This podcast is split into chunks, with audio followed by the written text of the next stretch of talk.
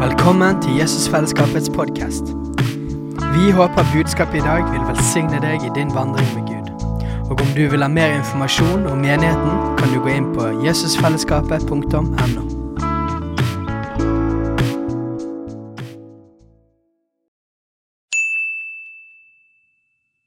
Hei! Visste du at Jesusfellesskapet starter en ny bibelskole til høsten? Den heter Jesusskolen og starter den 3. september. Gå inn på jesusskolen.no for mer informasjon. Disiplene sa eh, 'lær oss å be', sånn som Johannes lærer sine disipler å be.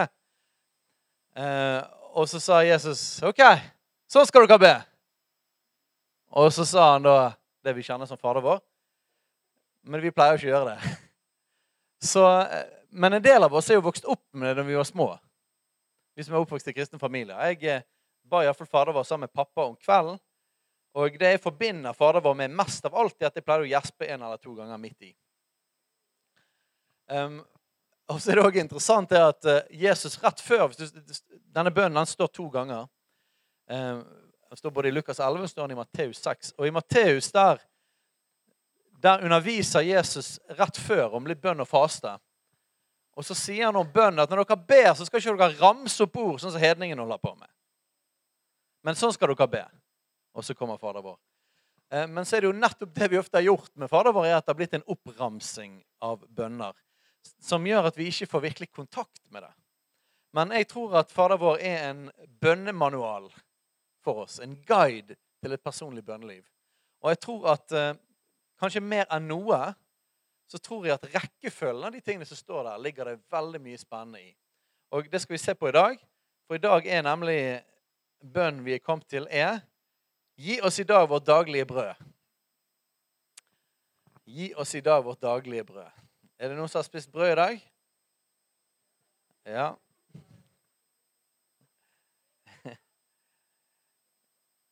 Gi oss brød i dag, Gud. Og eh, Jeg skal si litt mer om det, men jeg tror alle skjønner det at, eh, at det handler ikke bare om å få ferskt brød, men det handler om en bønn at Gud skal møte våre behov. Sant? Våre fysiske behov. Men jeg har lyst til å først gå inn i hvorfor står den bønnen akkurat der? Og hva er, liksom, hva er tanken bak rekkefølgen? Det ble brukt mest tid på den første. Vår far i himmelen. Pappa. Og eh, jeg har lyst til å ta de bønnene som kommer før denne, gi oss i dag vårt daglige brød, og sette det inn i kontekst av nettopp å be for dine behov. Og skal vi se det, Jeg tror Gud har helt bevisst satt be for våre behov der og ikke lenger oppe. Ok. Først kommer altså Far, du som er i himmelen.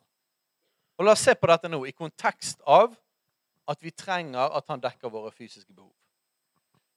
Far. Det betyr at han er en god pappa. Ikke det? Det betyr at vi kan hvile i barnekåret. Det betyr at han passer på meg.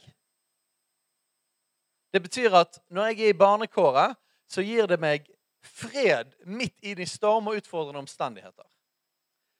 Så det å begynne med far før sine behov Hva tror dere det, tror dere det gjør i oss? Erfaringen er at når vi først går til Han istedenfor å be inn i storm som er rundt oss, så blir problemet mindre, og Gud blir større. Når vi går rett inn i problemet, for det føler vi ofte på, så er problemet stort, og Gud føles liten. Er ikke det riktig? Omstendighetene blir store, og det fins jo en veldig god historie på dette her. Det er Jesus som sov i båten når det var storm. Jeg tror det er at Jesus sov i båten fordi at han var sønn. Fordi at han hadde en pappa som passet på han. Jesus visste at det er ikke sånn jeg skal dø. Det er allerede en plan for det. Sant? Så han kunne sove når det var storm. Og så ser vi òg at Jesus, når han befaler stormen å bli stille, så kan han tale ut ifra en fred som han har på innsiden. Du kan forløse fred når du har fred. Så når vi begynner å be for våre behov, om det økonomiske behov eller alle mulige andre omstendigheter Hvis vi først går inn i det, og det er veldig lett, ikke det? Fordi at liksom det skjer ting, og jeg føler på det, og liksom presset kommer. Og så er det lett å bare respondere på det med en gang og se på den tingen og be Gud hjelp, hjelp, hjelp. hjelp. Sant? Denne bønnen lærer oss å ikke først se på det du trenger et gjennombrudd for. Eller ikke først og fremst se på stormen eller tingene rundt. Først se på far. Du er pappa, du er god. Og når vi begynner i far, så blir vi trygge. Det posisjonerer oss til å be. Men så får ikke vi lov til å be for behov helt ennå heller. Det neste er La ditt navn holdes hellig. Og der er fokuset på har ingenting med stormen å gjøre, har ingenting med behovene å gjøre, har ingenting med regningen å gjøre. Det er bare det at helt på tross av det, om det går bra eller dårlig, om jeg har store behov eller eh, små behov, så er ikke det det som kommer først. Etter at jeg er hans barn, og han er min far, så er det du er verdig.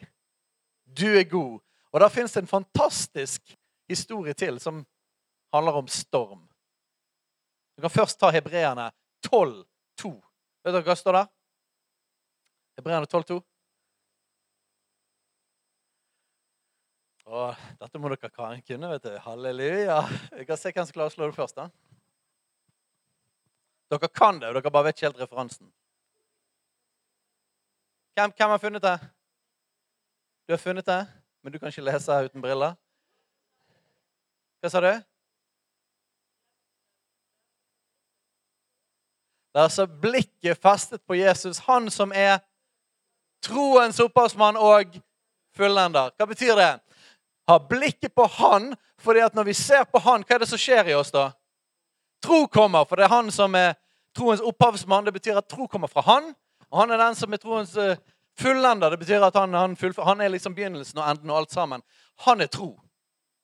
Så når vi har blikket festet på Han, så har vi tro. Så, og det er en ting Jesus snakker mye om når det er bønn, så det er å be med tro.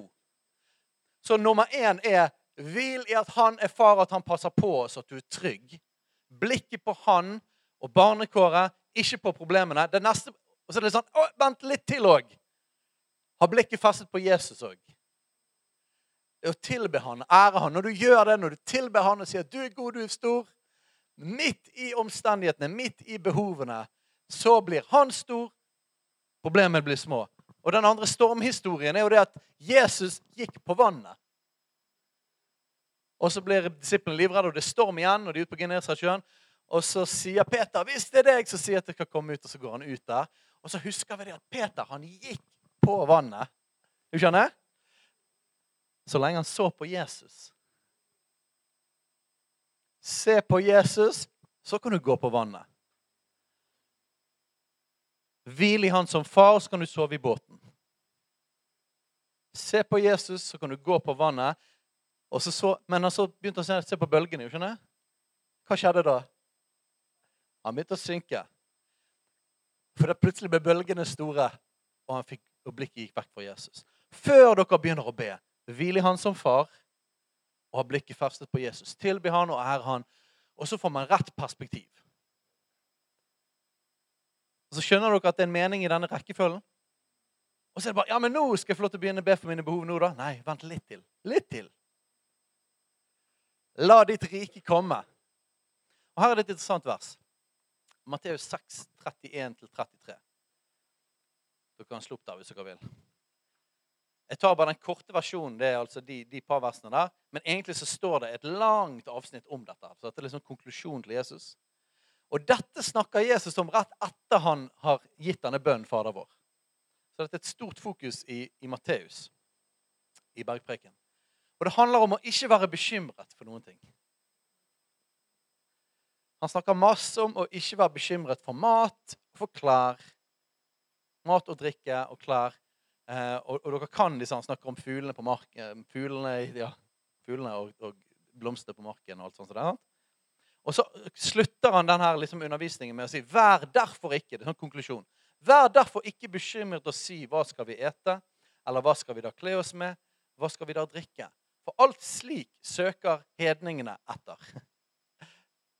Hva, betyr det? Det betyr at uh, basically definisjonen på å ikke hvile i at vi er barn, i vår nye identitet, er å søke etter alle de tingene. Det er det folk som ikke kjenner Gud. Farløshet er det. Det søker hedningene etter. Men deres himmelske far vet at dere trenger alt dette. Ser dere barnekåret der? Deres himmelske far vet at dere trenger alt dette. Søk da på grunn av det. På grunn av, så, så Ikke søk etter svar på de tingene eller bekymre dere for de tingene eller alle omstendighetene, de vanskelighetene. Ikke søk etter det, for Gud, han er din far. Han vet at du trenger det. Hvil i det. Stol på det. Tro på det. Men heller gjør dette. Søk da først Guds rike og hans rettferdighet. Så skal dere få alt det andre i tillegg. Jeg syns det er interessant. Søk da først Guds rike og hans rettferdighet. For det er nettopp det Fader vår sier. Før du ber om 'gi oss i dag vårt daglige brød', så skal du be 'la ditt rike komme'. La din vilje skje på jorden som i himmelen. Først Guds rike, ikke det? Så aller først far. Nummer to ha blikket på han, tilbe han, er han. Nummer tre Guds rike. Det betyr det er viktigere faktisk å fokusere og ha det i din bønn, så det er viktigere å fokusere på at hans rike kommer til jorden, enn på våre behov. Det er, sånn, det er litt sånn, jeg føler det er sånn Vent, vent, vent! Vent med dine personlige behov til du er posisjonert rett. Til du har prioriteringen rett og fokuset rett. Og Jeg skal love dere at dette gjør veldig forskjell i måten vi ber på. Alt dere ber om i tro i deres bønn, skal dere få. Men så står det i Jakobs brev jeg skal ikke ta det, Jakob 1, der står det om at, eh, at hvis noen vil ha visdom, så, så, så la han be. Men han må be i tro, uten å tvile. For den som tviler, den ligner på en bølge som hit og dit. Ikke kan en sånn mann forvente å få noe for Ikke kan en sånn mann vente å få noe av Herren. Oh, det er heftig. Det er basically et løfte om det motsatte av tro. At hvis du ikke har tro, og det er som en bølge hit og dit Hva er det for noe? Det er en som ser, ser på omstendighetene, som er overveldet av alle de andre. En sånn person kan dessverre ikke forvente å få noen ting av Herren. Ikke det spesielt? Så hvordan får vi tro? Gjennom å streve, gjennom å lugge oss sjøl, gjennom å sparke oss sjøl? Du klarer det? Nei. Barnekåret. Du er en god far. Tilbe han og løfte hans navn opp. Og så går du inn og så ber du for verden. Gud, la ditt rike komme. Og Da har du rett prioriteringer. Da har vi hans prioritering og hans hjerte. Og når vi har vært inni det, når vi har bedt for tante Olga sin, sin uh, leddgikt Har vi bedt for naboen sine problemer i familien? Og vi har bedt for, for bilen som, som, ikke funker hos, hos den eh, innvandrerfamilien nede i gaten. Ser dere at det er Guds hjerte? Skjønner dere fokuset i bønn? Så kan vi begynne å se OK. Jeg òg har noen behov. Men jeg tror rekkefølgen her er essensiell. For det posisjonerer oss rett. Både i forhold til tro, men i forhold til hans hjerte. Hans hjerte for han. Tør vi å tro det at hvis vi har fokuset der, så vil han faktisk gi oss det vi trenger. Så på mange måter vil jeg si det at gi oss i dag vårt daglige brød. I den settingen det står, så kunne det like gjerne stått ikke mas på Gud om dine behov før du har vært i de andre tingene. For det er ikke vanskelig for oss å be i forhold til våre behov. Det andre ting trenger vi å lære. Men akkurat det behovene våre det kommer veldig naturlig. ikke det? Det er sånn 'Hjelp, Gud!' Hvis det skjer et eller annet kjipt. Det er en respons for oss når vi er hans barn og hans ånd. Det er jo at vi begynner å be. Og be om hjelp. Det er ingenting galt i det, men vi må lære oss å posisjonere oss rett. Leve for rett sted. Så ok, da kan vi komme til daglig brød. Så hva er vårt daglige brød? Det betyr mer enn brød. Og mest sannsynlig mer enn mat. Ikke så ofte vi siterer Luther, men dette er noen av det beste Luther-sitat som fins, er her. Han skrev jo en eh, katekisme, Luthers lille katekisme, som var disippelgjøring av disse folkene som var en del av reformasjonen, av vekkelsen. Og han, skulle, han ville lære dem å be gjennom Fader vår. Og til denne bønnen så skriver han Med daglig brød menes alt vi trenger for å leve. Mat og drikke, klær og sko, hus og hjem, åker og husdyr, penger og eiendom, god ektefelle og gode barn, gode arbeidsfolk, gode pålitelige overordnede, et godt styre i landet, godt vær, fred, helse og god moral, godt rykte, gode venner, pålitelige naboer og flere slike ting. Så Luther drar det langt. Det er liksom Alt ligger i det så, og Det er jo litt kult at Luther er liksom mer radikal enn det jeg vil dra det til. Så vi har skrevet den om og moderer, modernisert den litt. Den er både moderert og modernisert. Eh, ikke fordi at det er feil. Alle de tingene der som ble nevnt, er jo Guds vilje. Men jeg tenker jeg vil spisse det litt mer inn mot personlig behov og økonomi, som er noe kjernen i denne bønnen. Så vi har skrevet den om, og den er sånn Med daglig brød menes alt vi trenger for å leve. Mat og drikke, klær, bolig, bil, jobb og nok penger til månedlige utgifter. Er den grei? Jeg sier den igjen, jeg. Med daglig brød menes alt vi trenger å leve for. Mat og drikke, klær, bolig, bil, jobb og nok penger til månedlige utgifter. I disse grønne tider så kjente jeg sånn litt sånn stikk når jeg sa bil. Det, sånn, det kan jo være elbil. Du kan be om elbil hvis du vil.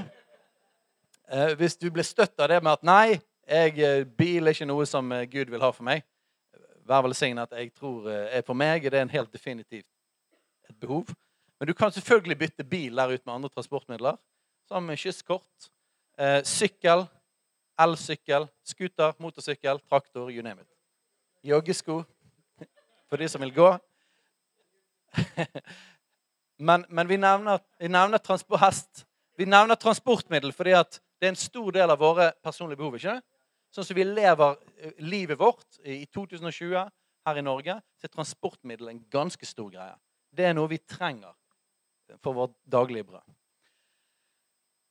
Så folkens, dette stemmer godt med et vers. Dette kan dere slå opp i. Filippane 4, 19. Og I dag skal vi ikke rett og slett kjøre litt herlighetsteologier Moderat herlighetsteologi. Bibelsk teologi, da. Ja.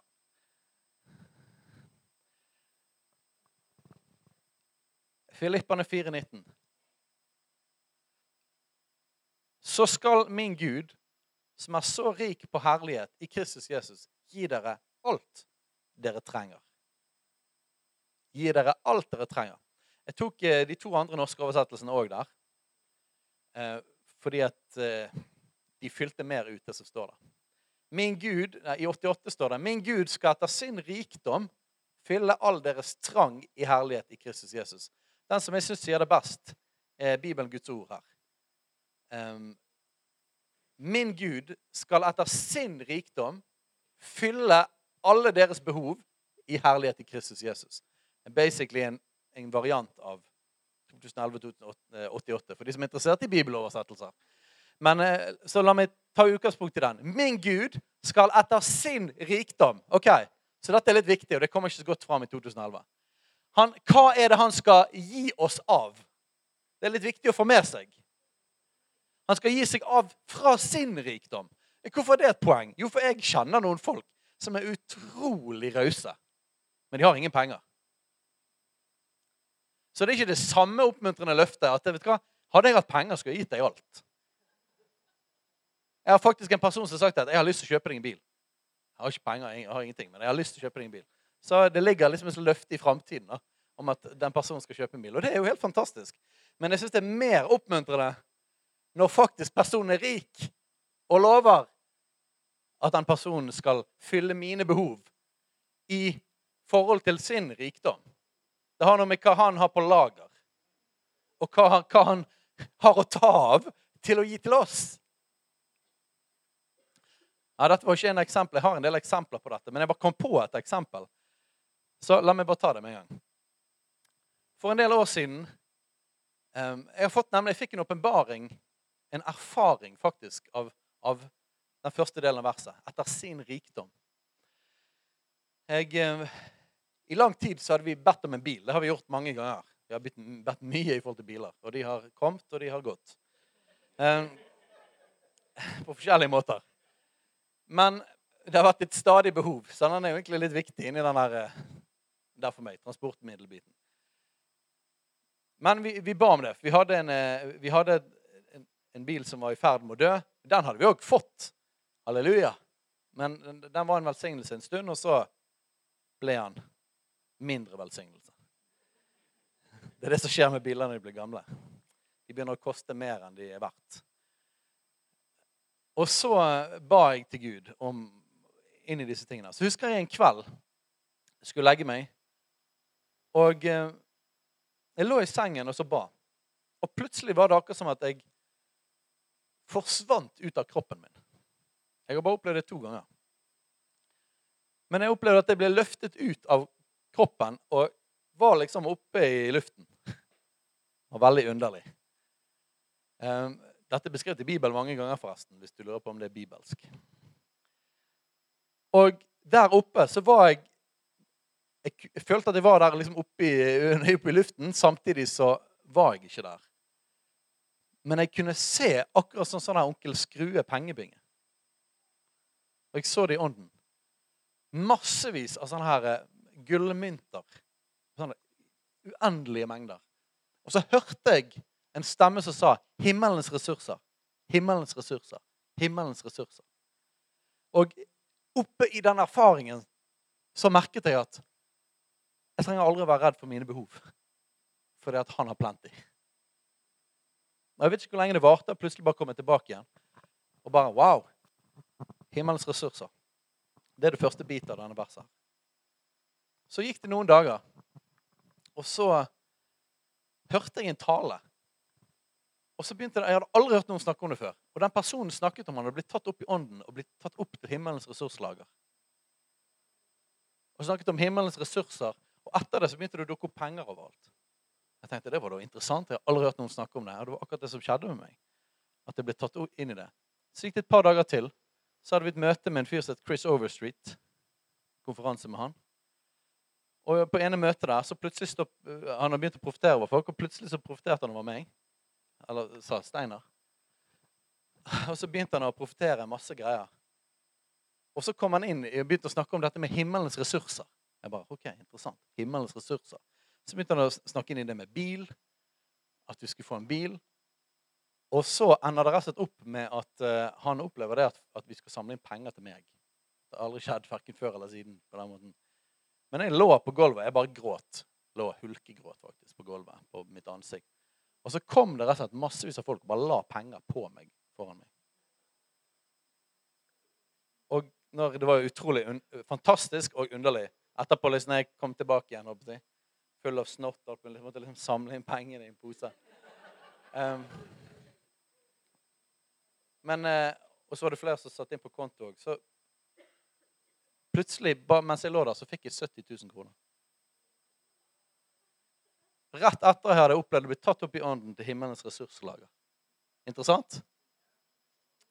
Det var ikke planen å fortelle den, men min Gud skal etter sin rikdom Han tar fra et sted, og det er hans rikdom han tar fra når han skal fylle våre behov. Han skal fylle alle deres behov i herlighet. Så er en sterk understrekning eller et løfte som ligger under. Gi oss i dag vårt daglige brød. Ikke det? Vi ber det ikke bare rett ut i luften. Selvfølgelig Bare at Jesus hadde sagt vi skulle be, det er jo nok. Men det ligger flere løfter under her som begrunner hvorfor vi faktisk skal få svar på når vi ber Han om å fylle våre daglige behov. 2. Korinterne 9,8.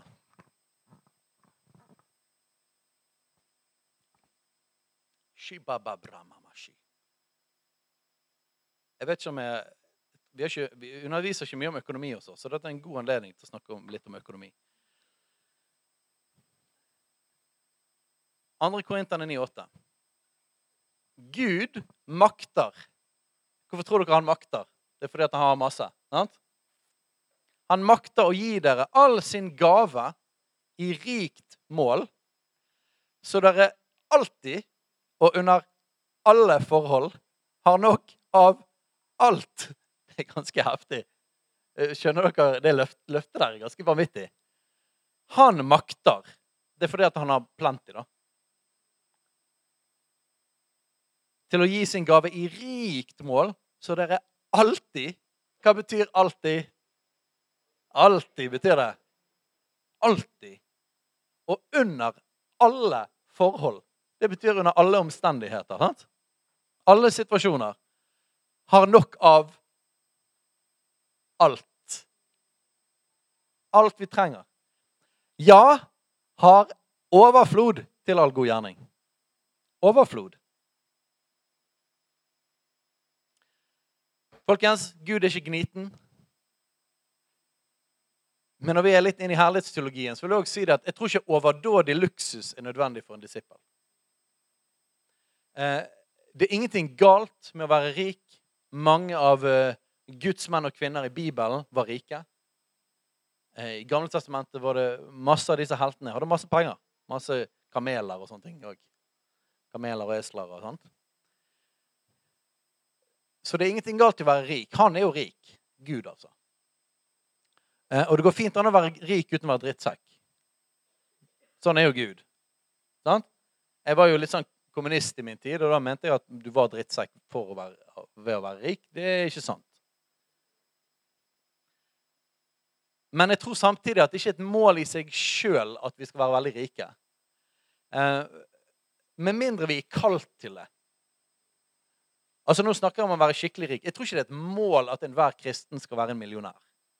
Det tror ikke jeg. Jeg tror vi klarer oss helt fint uten å være millionær. Men jeg tror noen er kalt til det. Hvis du er kalt til å være skikkelig rik, gå for det. Eh, og Noe av grunnen til at jeg tror at ikke alle er kalt til det, er at det tar fryktelig mye tid å være rik.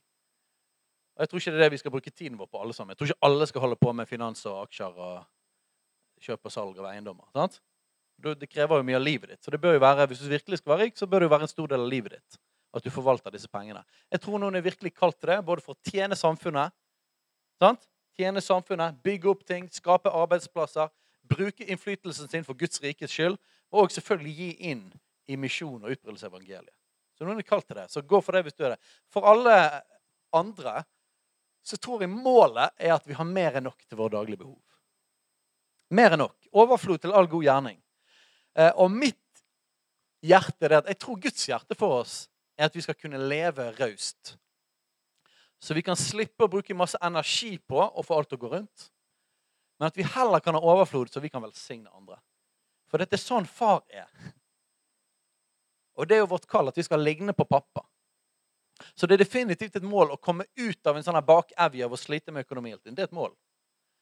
Det er et mål å komme til en, å være i en overflodssituasjon. Vet du hva? Har, noe av min bønn i mange år har vært at Gud, jeg har lyst til å bli et bønnesvar for folk mer enn alltid måtte trenge det sjøl. Er det noen som vil si amen på det en gang til? Amen? Jeg har lyst til å bli et bønnesvar. Jeg har lyst til å være en som kan så ut. For dette er bedre å gi enn å få. Det er supert å få når du trenger det, men det er enda bedre å gi. Så Guds, oss, Guds ord lover oss at om vi gir, så skal vi få. Men jeg tror ikke det skal være vår motivasjon. Jeg tror ikke å få er motivasjon for å gi. Jeg tror motivasjonen for å gi er at vi har blitt gitt. Jeg tror det er et godt ord, folkens. Motivasjonen vår for å gi er at Gud har gitt til oss. Vi vil ligne på far fordi at vi har fått. Vi elsker fordi han elsket oss først. Og det er det samme prinsippet. Evangeliet gjør at vi blir til kjærlighet. Vi blir evangeliet. Vi som er mottakere, vi kan glede oss over det vi har fått, men så kan vi begynne å gi. Vi kan være en kanal for Han. Halleluja. Og folkens, det er vanskelig å snakke om 'gi oss i dag vårt daglige brød' og bare bønn inn i det uten å snakke om givertjenester. Fordi at Guds ord, det Vi må lese Guds ord i lys av seg sjøl. Eh, og det står noen ganger om bønn i forhold til å få. Det står om det i Fader vår. Det står om dette med at Gud, eh, Gud som en god far som vil gi oss gode gaver. Matteus 7,7 blant annet. I Lukas 11 i slutten står det òg. Så det er lov til å be i forhold til våre behov og vår, vår økonomi. Men det Bibelen snakker definitivt mest om når det kommer våre, til våre behov, så er det givertjenester. Og det er jo fordi at Guds rike er jo et opp-ned-rike. Alt er helt opp ned. Fordi at når vi gir, så skal vi få. Eh, og vi skal, eh, vi skal gi fordi at vi er blitt gitt. Vi, vi, vi, har lyst til å bli sånn som han. Så det handler aldri om å karre til seg sjøl for at vi skal bli en sånn At vi skal bare samle opp for vår egen del. Det er ikke sånn evangeliet fungerer. Livet fins når vi får lov til å være en sånn det får være en sånn varig strøm fra far gjennom oss og ut til verden. Og Det betyr at vi er inne i midten der. Det betyr at i, i den prosessen fra Gud gjennom oss til verden, i, den, i, i midten der så blir vi velsignet. I midten der så skal vi ha mer enn nok. Men målet er ikke å bli rik for å bli rik. Og det ser vi veldig tydelig i både Jesus sin disippelundervisning, og vi ser det på Paulus sitt liv. Han snakker om at jeg har, jeg, jeg har erfart å være, ha lite og ingenting. Jeg har erfart å ha masse. Eh, og det tror jeg er livet til en disippel. Vi er først og fremst en etterfølger av han. Vi er ikke en som søker de materielle tingene bare for det, for sin egen del. Det søker hedningen etter, sa Jesus. Vi søker far og gjør det han sier. Men givertjeneste er en sentral del av hele den dynamikken. For når vi kommer til denne Gud, forsørg mine behov, gi meg mitt daglige brød, så er det veldig vanskelig å ta det ut av konteksten at vi òg kalt til å være en som gir. Så la meg ta et par uh, skriftsteder her. Malakias 3, 10 og 11. Ta kortversjonene på, på alle disse tingene.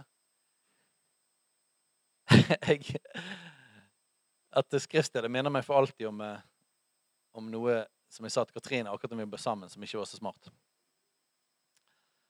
Jeg, var liksom Noe av det første jeg sa når vi ble kjærester, var det at jeg fant ut at hun ikke ga tiende. Og jeg bare slo rett opp i Malakias, og der står det 'Du røver fra Gud, og forbannelsen er over deg'. Står.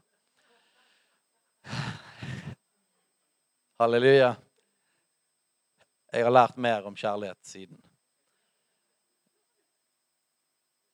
Men det som kommer litt uti der Her står det at i Malakias 10-11 Bær hele tiden inn i forrådshuset, så det finnes mat i mitt hus. Prøv meg på denne måten, sier Herren herskernes Gud, om jeg ikke vil åpne opp himmelens luker for dere og øse ut velsignelser over dere i rikelig mål. Eh, eh noen eh, tenker at tiende er et gammeltestamentlig eh, påbud som ikke gjelder i den nye pakt. Jeg skal ikke gå dypt inn i det nå, men Jesus snakket med fariseer og sadukeer en gang. og så, så sa han at dere gir jo tiender av alt mulig. Sånn krydder eller anis, alt mulig smågreier. Men dere, eh, dere legger ikke vekt på det som veier tyngre i loven, nemlig barmhjertighet, kjærlighet. Og så sier han etterpå det at eh, det ene skal gjøres, og det andre skal ikke utelates. Så fokuser på barmhjertighet og kjærlighet. Det er sentralt. Men så sier han òg det skal ikke utelates. Tienden skal ikke utelates. Og Der er det en bekreftelse på Jesus i forhold til tiende i den nye pakt. Men enda viktigere enn det, for vi ikke gå dypt inn i det verset, enda viktigere enn det, så er det jo sånn at den nye pakt er jo sånn at den nye pakt er mer radikal enn den gamle pakt. Så alle konklusjoner man måtte ha på at tiende er ikke en ny pakt, det er helt greit for meg hvis det betyr at du tenker det at vi gir enda mer enn det. Men at, men at, den gamle pakt, der folk som ikke hadde Guds ånd på innsiden, der ikke Guds lov var skrevet i våre hjerter, skulle bety at de skulle gi mindre, eller mer, enn oss i den nye pakt. Som Jesus har gitt sitt liv for. Det gir jo absolutt ingen mening. Så alle argumenter for at liksom, nei, tiende for mye, det er ikke Guds Nei, Da tenker jeg at, eh, da tror jeg man har mistet noe av Guds hjerte. da. I utgangspunktet så er det at hele livet vårt er hans. Alle ting vi eier, er hans. Eh, tiende, eller om du vil bare ikke kalle det tiende, men gjerne mer, er jo bare et profetisk symbol. En vane som viser det at eh, alt jeg har, er ditt. Så og, og skal ikke gå Må bare hoppe videre fra dette. Men i Bergpreken så står det mange ganger så tar Jesus en del forskrifter i, i loven sier at dere har hørt det sagt. Husker dere det? Om noen eh, slår deg på ene kinnet, så skal, så skal du slå tilbake. Sant? Men jeg sier dere Hva var det vi skulle gjøre i stedet? Vi skulle vende andre kinnet til. Og Så kommer han med masse sånne eksempler. Dere har hørt det sagt. I loven så står det at dere skal gjøre det. Og så sier Jesus nei, i den nye pakt så tar vi det, da gjør vi det mer radikalt. Altså eh, loven så står det at man ikke skal være utro. Men jeg sier dere at eh, om dere bare ser på en med begjær, så har du vært utro i ditt hjerte. Så ser det at Jesus tar jo ting opp fra loven, ikke ned. Og hvorfor den kan gjøre det? Fordi at loven var et ytre krav. Mens i den nye pakt så er vi blitt født på ny og fått et nytt hjerte. Som betyr at han regner med at at fra innsiden vår så er dette noe vi vil nå. Derfor er han enda mer radikal. Så å si at tiende er for radikalt for den nye pakt, da tror jeg du må lære evangeliet. Evangeliet og disippelskap er radikalt i Det nye testamentet.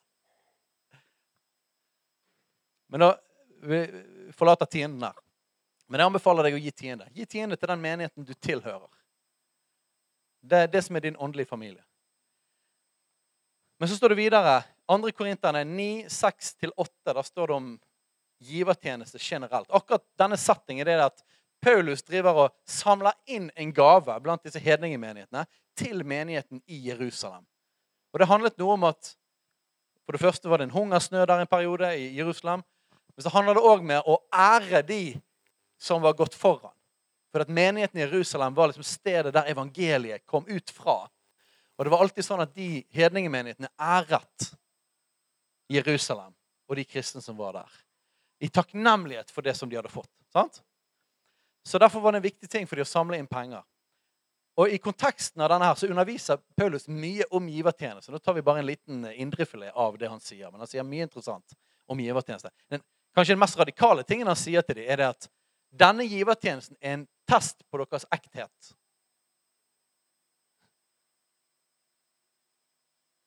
Dette er en test på om du virkelig er en disippel. Det, ofte er det sånn at Pengene i lommeboken det, det, viser litt hvor hjertet vårt er. ikke det? Og så står det i kapittel 9, vers 6. Men dette sier jeg. Den som sår sparsomt, skal også høste sparsomt. Den som sår rikelig, skal høste med rik velsignelse.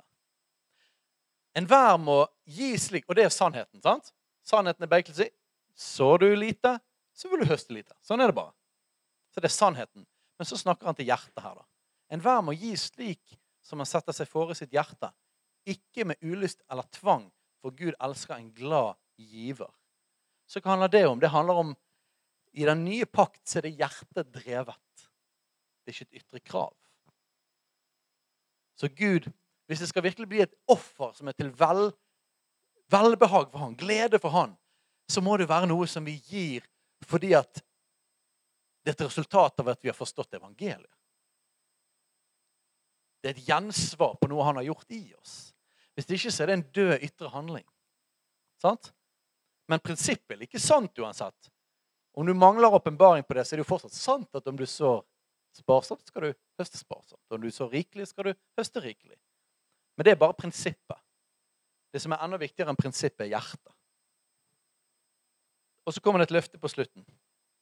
Og Gud er mektig til å gi dere all nåde i rikelig mål, for at dere alltid og i alle ting skal ha det dere trenger til, og ha overflod til all god gjerning. Vi gikk jo gjennom vers i sted. Om dere ser sammenhengen Så vi ta ett i givertjenestevers til. Lukas 6, 38. Her er det Jesus. Så har vi fått noe fra Gamle testamentet, noe fra Paulus og noe fra Jesus her på slutten. Lukas 6, 38. Gi, så skal det bli gitt dere et godt mål, stappet, ristet og overfylt, skal bli gitt dere i fanget. For det samme mål som dere har målt med, skal det måles igjen til dere. Denne her er interessant, for vi forstår nok innholdet av det, men Jesus bruker et bilde fra den kulturen som ikke kanskje man tar med en gang. Så et godt mål stappet og ristet og overfylt, det høres jo veldig bra ut for de som liker store ord. Men det det helt konkret betyr, er jo et måle en ting som man har noe oppi. Og konteksten her er nok at du har kjøpt noe, eller du måler opp eh, mel, f.eks., eller korn, eller annet, og så putter man det oppi. Er det noen som har åpnet en chipspose noen gang? Og vært litt skuffet over at den ikke var eh, stappet og ristet og overfylt. Er dere med? Så når de fyller chipsposene, så fyller de den, og så lukker de den. Men de fyller den ikke, rister den og stapper den, og så lukker den. Da har den vært helt full. Så det han snakker om her, er at her er det ikke bare sånn litt, her er det skikkelig presset sammen massivt. Så mye som er mulig opp i det målet. Ok? Og så sier han at for det samme mål som dere har målt med, skal det måles igjen til dere. Så hva betyr det, da? Jeg snakker om givertjenester her. Jesus skal da få. Det betyr at hvis du gir chipsposevarianten, så får du tilbake chipsposevarianten. Sant? Mye luft, mindre chips. Hvis du gir stappet, så får du stappet tilbake. Så det betyr basically at når Og her er koblingen tilbake igjen. Inn i Gi oss i dag vårt daglige brød. Når vi gir, så tror jeg at vi basically bestemmer om når vi ber, at vi får tilbake igjen med teskje, spade eller gravemaskin. Halleluja. For når vi ber, så skal vi få. Men givertjenesten er koblet til om du får tilbake med teskje eller gravemaskin. Vi basically bestemmer sjøl, alt etter den tillit vi har til Han, hvor heftig vi har lyst til å leve i Guds rike sannheter. Dette er en invitasjon, det er ingen tvang. Det er ingen tvang. Og målet her er jo ikke å bli rik engang. Så det er jo ikke et poeng å liksom, ah, jeg vil ha gravemaskin, for jeg skal bli styrtrik. Nei, motivasjonen for å liksom kjøre gravemaskin, givertjeneste og livet, bruke livet sitt på den måten, bruke tiden på den måten, tjene mennesker på den måten Målet for det er at vi vil ha masse plass til enda mer av Han. Enda mer av Hans velsignelse, sånn at jeg kan gi enda mer. Det er motivasjonen. Så basically er det at sånn, Jesus sier dette er frivillig, men du kan velge om du vil spille på lilleputt eller profesjonelt. Halleluja. Kjenner dere strukket på, på givertjeneste? Halleluja. Når vi ber, så skal vi få, men vi bestemmer størrelsen på redskapet. Skei, spade eller gravemaskin. Hva betyr dette? Kan vi ikke be om å stole på at han vil gi oss vårt daglige brød om vi ikke gir tiende og hellige gaver? Jo, jeg tror vi kan det. Vi kan alltid be, og Gud er veldig raus. Men vi må lese Bibelen i lys av seg sjøl, og det er vanskelig å komme utenom givertjeneste når vi snakker om forsørgelse og økonomi. Dette er min anbefaling. Gi tiende til menigheten. Gi hellige gaver til enkeltpersoner. Gi til misjon. Gi almisser til de fattige. Og be om at han skal gi deg ditt daglige brød.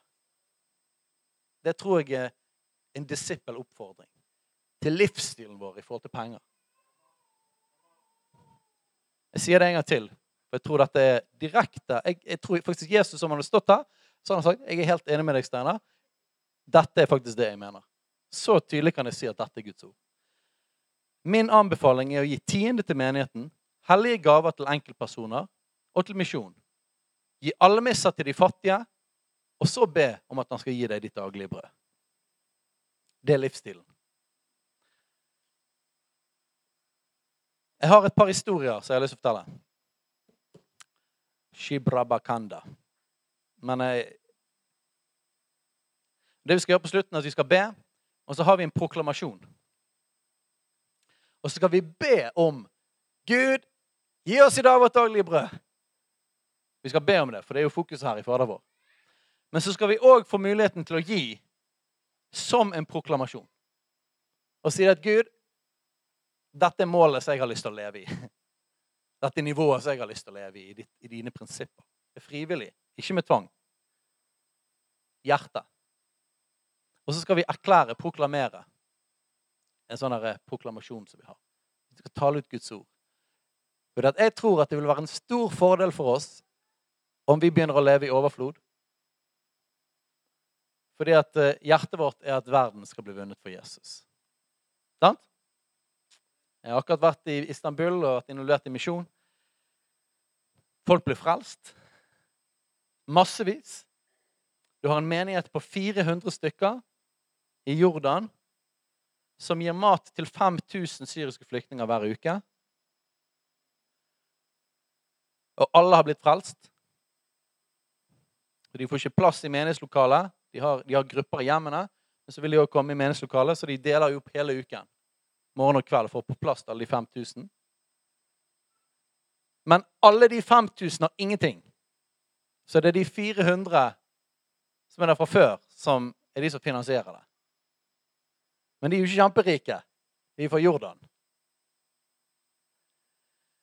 Så Problemet i Midtøsten er ikke at ikke evangeliet går fram. Men de trenger penger. Og de trenger backing, og de trenger trening.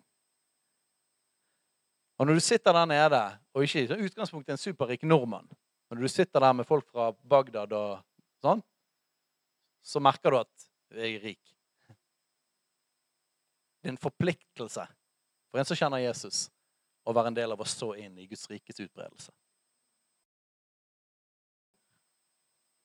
Gud har ikke lovd oss et litt sånn ukomplisert liv eller et liv uten action. Men han har lovt at han skal ta vare på oss, og at han skal forsørge oss. Og så lenge vi søker først Guds rike, så skal vi få det andre i tillegg. Noen ganger kommer det seinere enn man har lyst til. Og vi kan vitne om det har vært mye dramatikk, men det har alltid, alltid, alltid har det kommet gjennom. Uansett hvor umulig. Så far, vi takker deg for at du er en god far. Og at vi som dine barn så kan vi stole på at du passer på oss. For barn i gode familier de er ikke redd for at de ikke skal få mat. Men de stoler på at mamma og pappa gir deg det de trenger. Så vi tror at du er en god far. Takk at du møter alle mine materielle behov. Takk for at du hjelper oss med spesifikke behov vi har akkurat nå. Og så ber vi at du skal hjelpe oss å være raus sånn som du er raus. At du skal leve livet vårt raust og med penger. Og Så ber vi Gud, la oss alle sammen komme i en situasjon der vi kan ha overflod, så vi kan bli bønnesvar for andre. Og så evangeliet kan gå fram gjennom oss. For det er det vi vil leve for. Vi vil leve for deg. Vi lever ikke for penger. Men gi oss i dag vårt daglige brød. Kan du ta opp proklamasjonen, Lasse? Går det bra? Jeg har lyst til at vi skal proklamere denne tingen. Jeg har lyst til at vi nå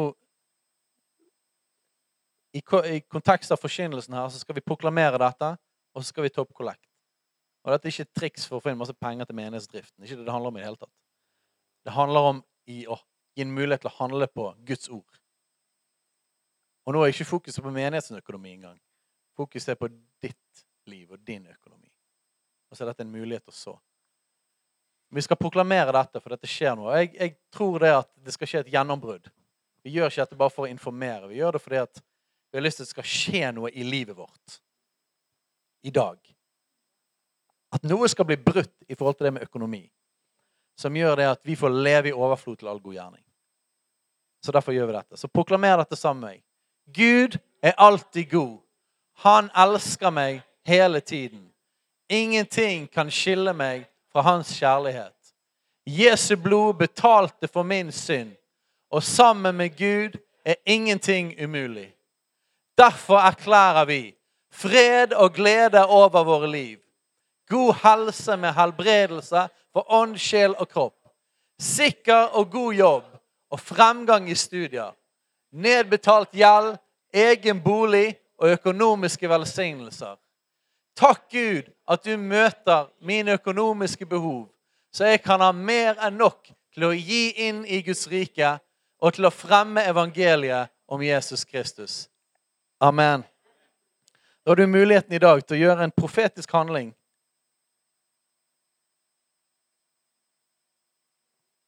Og gi noe stappet og presset til Han. I Jesu navn. Amen. Så der har vi VIPS og kontonummeret. Anbefaler dere både tiende og hellige gaver. Gi en gave nå som er profetisk handling.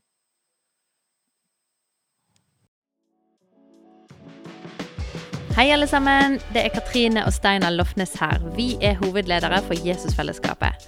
Så kjekt du har lyttet til denne podkasten. Har du forresten hørt noen av de andre podkastene våre? Ukens tale, Disippelskolen, Hyrdepodden, Kulturkrigen og Mammas hjerte. Du finner disse podkastene på Spotify, Apple Podkaster og på nettsiden vår jesusfellesskapet.no.